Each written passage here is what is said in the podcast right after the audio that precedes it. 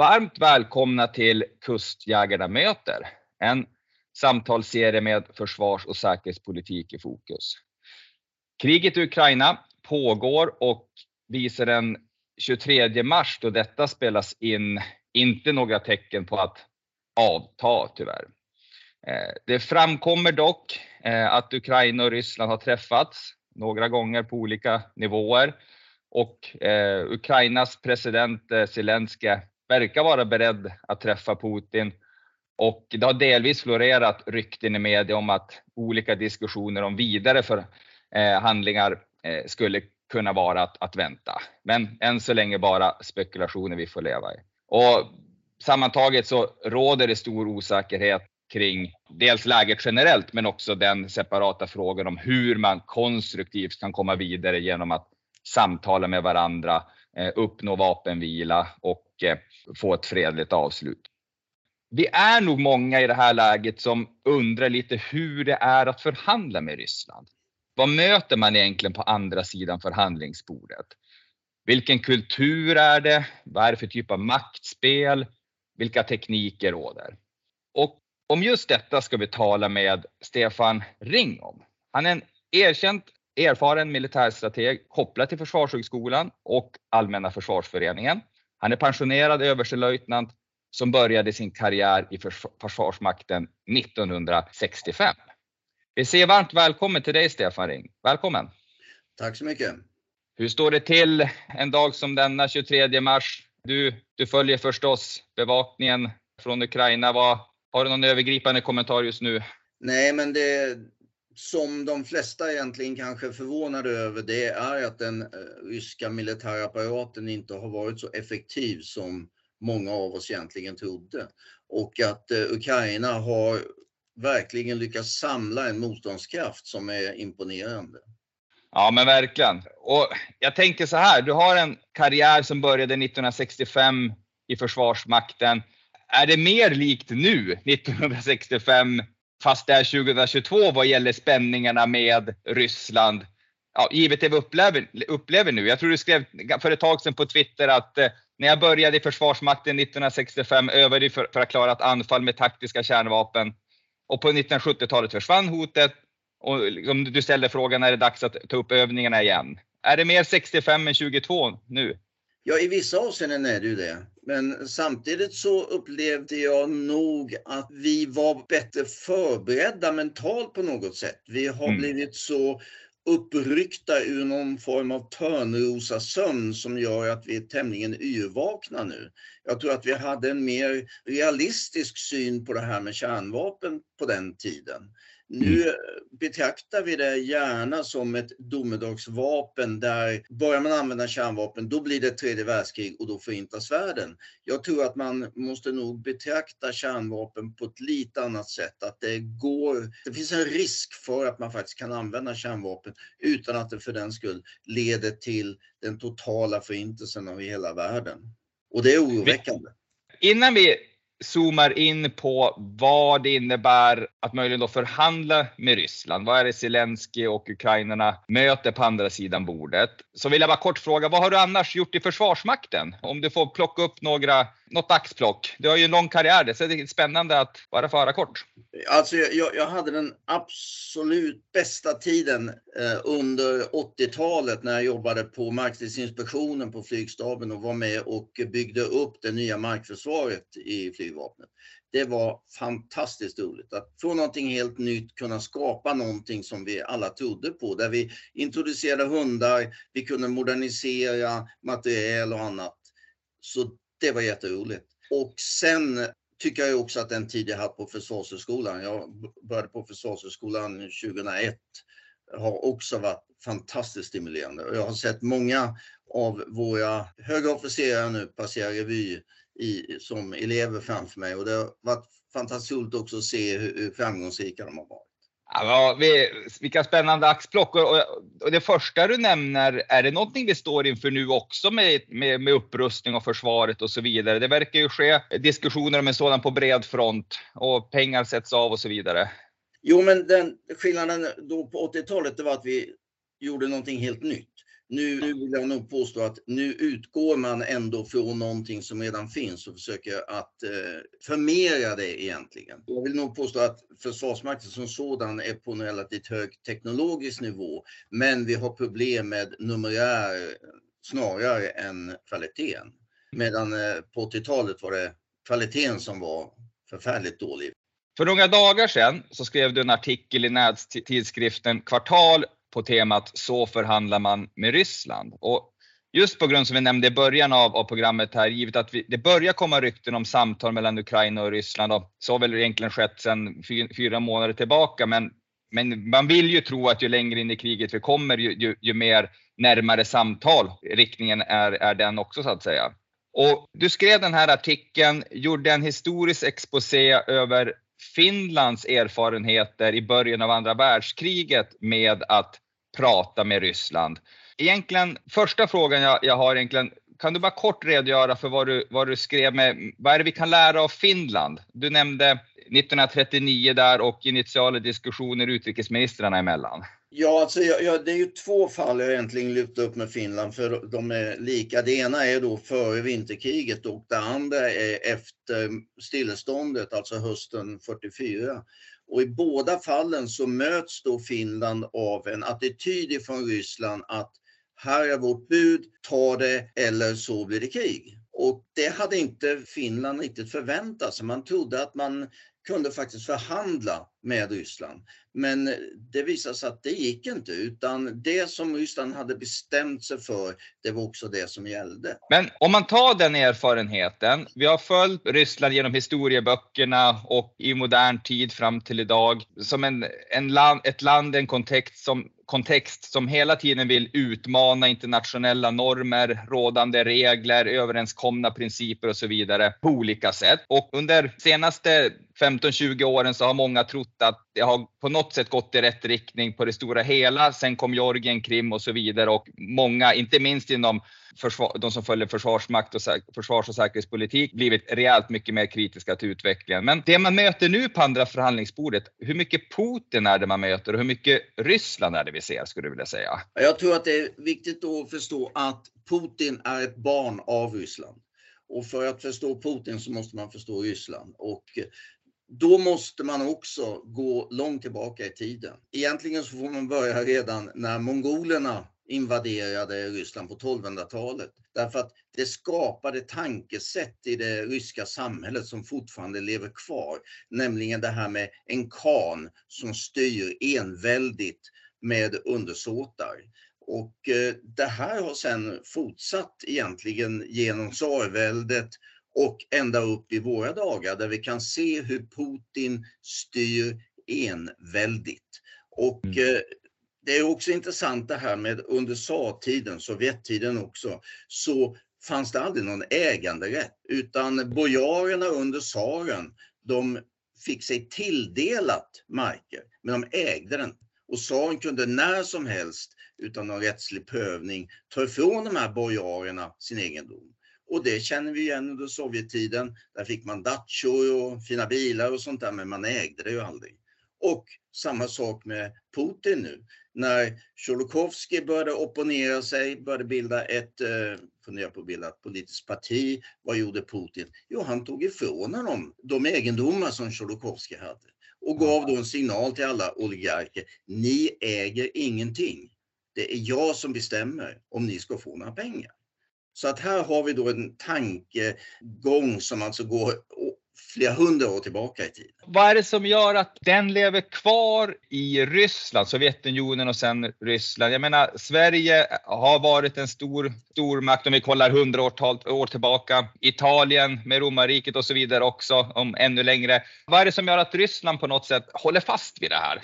Samuel Huntington har i sin bok Class of Civilization pekat just på det här att Ryssland har, har inte genomgått samma utveckling som, som i väst. I, vi har haft en reformation, vi har haft en upplysningstid. Vi har också dragit slutsatser av de krig som har varit att det här är kontraproduktivt. Vi måste hitta vägar att samarbeta med andra, vilket då har lett fram till EU till exempel. Det här har inte funnits, den här processen har inte ägt rum i Ryssland utan man har levt i sin egen isolation och man har snarare förkastat det som har varit västligt. Efter Napoleonkrigen så var det många ryska officerare som besökte västvärlden. Jag menar, de, de ryska trupperna var ju med och besegrade Napoleon och var, mm. tågade in i Paris. Och de fick då intryck av det här. Men när de kom tillbaka sen och försökte införa det här i den ryska tankevärlden, då möttes de av utrensning istället. Man möttes med våld av den dåvarande tsaren. Så att man har aldrig tagit intryck utan istället kan man säga att man har försökt att förakta väst. På 1800-talet så fanns det slavofiler som pekade just på det här att väst är dekadant, väst är ruttet medan Ryssland står för det goda och det positiva. Det är ju sånt vi hör Putin säga idag. Men sen föll muren ändå till slut. Jeltsin klev fram så småningom. Du var förmodligen mitt i karriären. Jag var i skolåldern. Vad hade du? Var det hopp? Var det tillförsikt man kände då inför vilken utveckling Ryssland eller kunde ta? Eller kände du, hade du fortfarande historien med dig så att säga? Ja men alltså under 90-talet var vi fortfarande osäkra på vad som skulle hända med, med Ryssland. Läser man eh, försvarspropositionen 96 till exempel, då pratar man ju om en av de utvecklingsscenarier som man kan tänka sig ett sönderfallande Ryssland. Vi pratade om hur ska vi göra när vi får flyktingströmmar som kommer från Ryssland därför att det blir ett inbördeskrig. Så att det fanns ju också en oro för att Ryssland inte skulle kunna hantera det här. Därför att ingen kan ju påstå att Jeltsinperioden präglades av lugn och ordning i Ryssland. Eh, ja. Vi hade ju, det började ju med att, att det blev en försök till statskupp mot Gorbatjov och sen kom det ju en, en ytterligare en statskupp under, under, eller försök till statskupp under Jeltsin när han sköt med stridsvagnar mot eh, riksdagshuset. Så att det fanns ju hela tiden signaler om att det går inte så bra. Däremot så tror jag att man, många trodde när, Jelts, äh, förlåt, när, när Putin tillträdde att nu skulle det bli lite mer ja. ordning och reda. Och det blev det också faktiskt. Kombinerat då med att oljepriset höjdes så att han också kunde sanera ekonomin. Så egentligen Putins eh, sätt att förhandla, ta sig an internationell politik, motparter i internationell kontext är det är ganska stor utsträckning frukten av en historik, ett sätt att eh, beskåda världen utifrån ett antal ryska eh, premisser och hur man strukturerar sitt, sin, sin analys. Om vi tar det till en konkretiseringsnivå mer då, förhandlingsbordet och Putin. Vad, vad, innebär det att ta med sig en sån världsbild in till ett förhandlingsbord så att säga? Du kan aldrig nå framgång utan att du visar styrka. Det därför att i en rysk förhandling så diskuterar man ett nollsummespel. Med andra ord, om du vinner förlorar jag. Och om jag ska förlora, då måste jag bli tvingad att förlora. Jag kommer så att säga aldrig självmant att ge upp några fördelar till dig för att vi ska nå någon form av konsensus, utan jag måste bli tvingad. Det är bara genom styrka som jag kan få en ryss att backa och erkänna att man kan komma överens på halva vägen. Det låter ju primitivt på något sätt när, när, när du berättar hur, hur det ligger till. Och är det det det är egentligen? Eller hur ska man, har, det har kanske funkat helt enkelt i, genom historien för dem på vissa håll. Varför, varför fortsätter de? Ja men alltså, vad är Putin idag? Han är den högste makthavaren i Ryssland och han har nått dit genom att just använda den här typen av förhandlingsmetoder. Så varför skulle inte han tro att det fungerar nu också? Och vi kan konstatera att Georgien, ja, det blev inga större problem. Krim blev inte heller några större problem egentligen. Eh, nedskjutningen av MO17 gav lite sanktioner men trots allt. Eh, de blev ändå invalda i Europarådet. Eh, nu lämnar de självmant Europarådet men eh, alltså signalerna vi gav från väst är att ditt maktspråk det är ganska okej okay ändå. Vi, vi, vi backar hellre än att stå upp mot dig. Vi är en månad in i kriget som du inledde med att säga, det har inte gått enligt Rysslands planer. Otroligt tufft motstånd från ukrainarna. Logistik har krånglat, eh, strategiska felbedömningar, underskattning av motståndaren generellt och sen ett massivt stöd, eller i alla fall sammanslutning från väst så att säga, vad gäller hur man ser på den här situationen. Vem är Putin mest rädd att tappa ansiktet för egentligen? Är det hans närmast förtrogna? Är det folket i Ryssland? Är det internationella samfundet eller är det sig själv han är mest rädd att misslyckas inför? Jag tror att han är mest rädd för att tappa makten. Och då blir det följaktligen att vilka kan påverka min maktställning? Och det är de då som han blir mest rädd att tappa ansiktet inför. Och därför är det svårt att säga då vilka i Ryssland kan påverka hans makt. För att vi vet fortfarande inte, folket har inte visat något intresse att resa sig därför att de är utsatta för en intensiv propaganda så att de tror ju på det mesta som de ser i TV. Och hans närmaste krets, de måste till slut känna att vi förlorar mer på att stödja Putin än att störta honom. Mm. Eh, och, och, och, det tror jag, inte de, jag tror inte vi har nått dit än. Utan det är Nej. de som kan utmana hans makt. Det är de han är redo att tappa ansiktet för.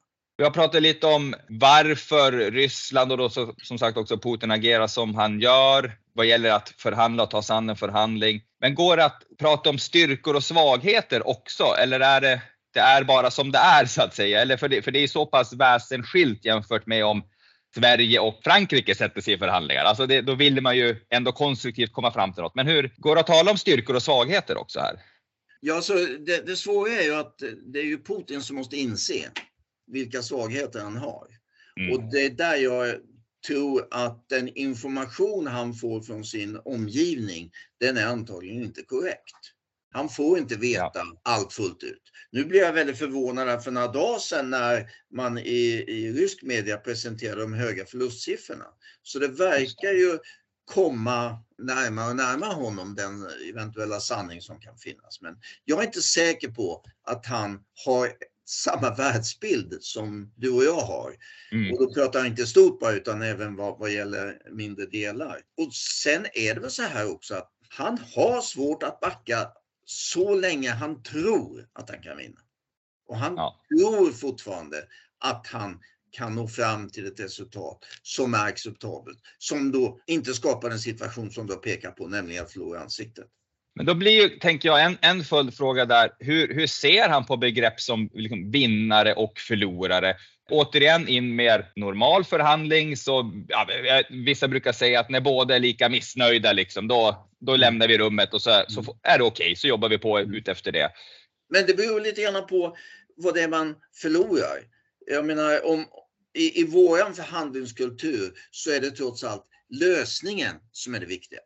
I rysk förhandlingskultur är det den egna segern som är den viktiga. Och, och, så länge inte man ser den egna segern framför sig, då kommer man att fortsätta tills dess man har uppnått en situation där man antingen står inför för fait accompli. Det här går inte längre därför att motståndaren är för stark. Eller att man känner att nej men här kan vi fortsätta. Och då blir det ett väldigt långt krig. Jag menar, vi kan hamna i en situation ja. där man gräver ner sig, vi får en frusen konflikt. Det blir inget ordentligt. Det, det blir som i östra Ukraina alltså. Och då blir det ingen förhandling överhuvudtaget utan då, då blir det bara så här, så här är läget och det är låst. Om Putin inte ser att det utvecklas så som han vill den närmsta tiden, är det det han, du tror, skulle vilja nästan? Att det är liksom ett fryst läge men där han fortfarande sitter vid spakarna, upprätthåller något slags momentum kring honom som allsmäktig ledare så att säga. Ja, det, det, det är ju, jag ser inte in i huvudet på honom så att jag har svårt att svara på den frågan. Jag vet inte hur, vad det är han förväntar sig länge utan jag tror han, han klamrar sig fast vid en förhoppning om att någonting ska hända som vänder situationen till hans fördel. Men märker han att mm. det här går inte, då kan man mycket väl tänka sig en frusen konflikt. Sen är det ju många som också diskuterar risken för kärnvapen, att de skulle använda kärnvapen. Hotar ju om det. Men då tror jag att då måste vi komma i ett läge där han känner sig ännu mer trängd och att, att han börjar uppfatta att Rysslands nationella säkerhet verkligen är hotad och att hans maktinnehav är hotat. Eh, jag tänker här spontant att ett, en anledning till att det är så svårt att förstå vad han, hur han på något sätt, vad som, vad som egentligen driver honom vart han vill, vad han ser framför sig inom ett halvår, ett år. Det är att han inte följer internationella lagar och regler. Han, han, det finns ingen förutsägbarhet i, i hans agerande på det sättet. Och hur, är det också en, varför är det så så att säga? Är det också en produkt av en, om man får liksom raljera kring en, kring en rysk mentalitet där man där är det styrka som spelar roll och det är det som på något sätt driver förändringen. Ja, men eh, det fanns en tysk folkrättsexpert som heter Carl Schmitt på slutet av 30-talet som var nazist. Och han pratade om, vi ska inte diskutera begreppet stater, vi ska prata om att det finns riken och de här starka rikena, de har rätt till en säkerhetssfär runt omkring sig. Och ja. Putin har i många avseenden anammat det här. Det här imperietanken, alltså riket. Det är, fungerar inte i en värld som är uppdelad i massa stater utan det är intressesfärer och där de stora imperierna har all rätt att kräva det som behövs av de omliggande territorierna som då inte ja. betraktas som stater längre. Och, eh, det, det, därför så betraktar han då inte Ukraina som en stat och det säger han hela tiden. Det är ingen riktig stat.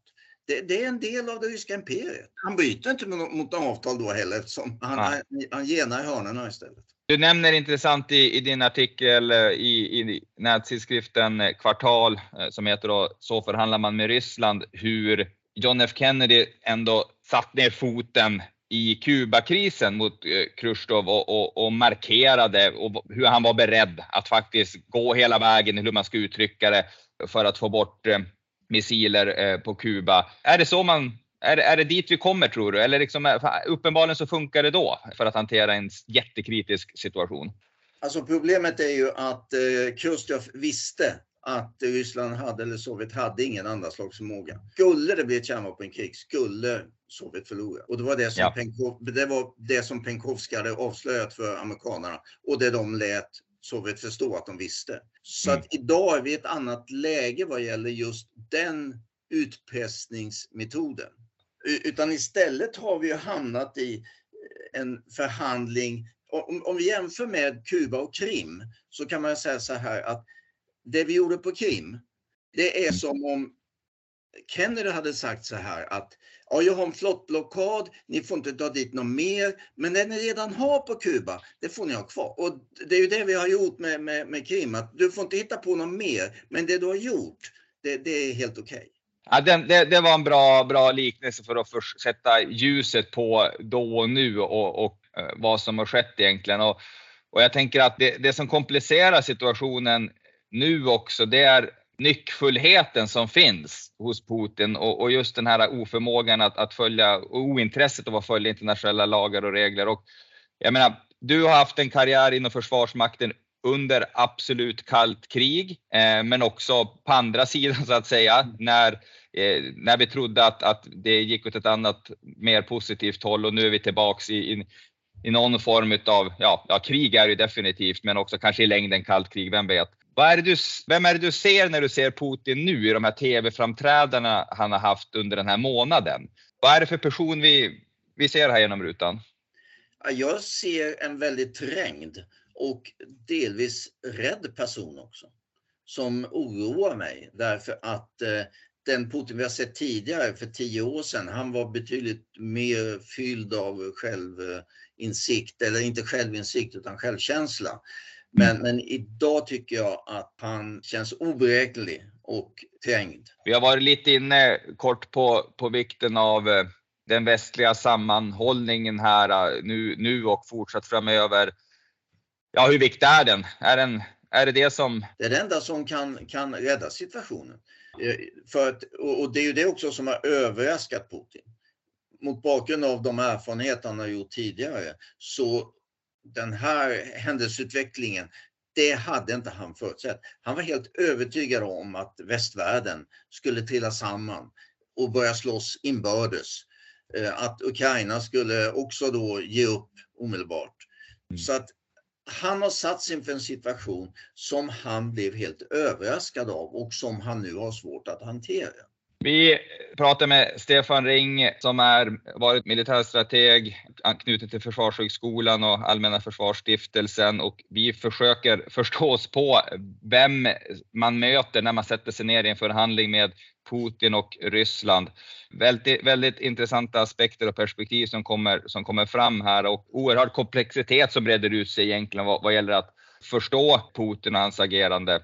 Jag tänker slutlig fråga från mig här. Blir det då bättre om Putin byts ut så att säga? Eh, antingen att med ett eh, oppositionellt inre uppror eller att han till slut dör en naturlig död och det blir en annan ledare eller tar vi, alltså inte vem tar vid då utan blir, blir det bättre oavsett vem som tar vid? Ja, jag känner ju lite grann som att vi har ett otroligt låst läge just nu och ett av de skälen det är Putin som person.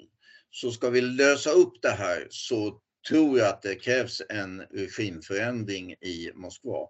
Därmed inte sagt att det kommer att leda till att vi helt plötsligt får massa demokrater som kliver upp på estraden och förändrar Ryssland. Så kommer det ju inte att bli. Men det låsta läget idag som sagt, det beror i hög grad på Putin som person. Tusen tack Stefan Ring för att du tog dig tid att dela med dig av tankar, kunskap och erfarenhet vad gäller hur man förstår sig på Ryssland och Putin något bättre när man sätter sig ner i en förhandling med honom. Något vi jag tänker hoppas kommer kunna ske för att få, få stopp på, på kriget på marken i Ukraina. Stefan Ring skrev en artikel i nättidskriften Kvartal på temat Så förhandlar man med Ryssland och den uppmuntrar jag er att läsa om man vill djupdyka ännu mer i det här. Stefan, jättetack för att du deltog. Tack så mycket.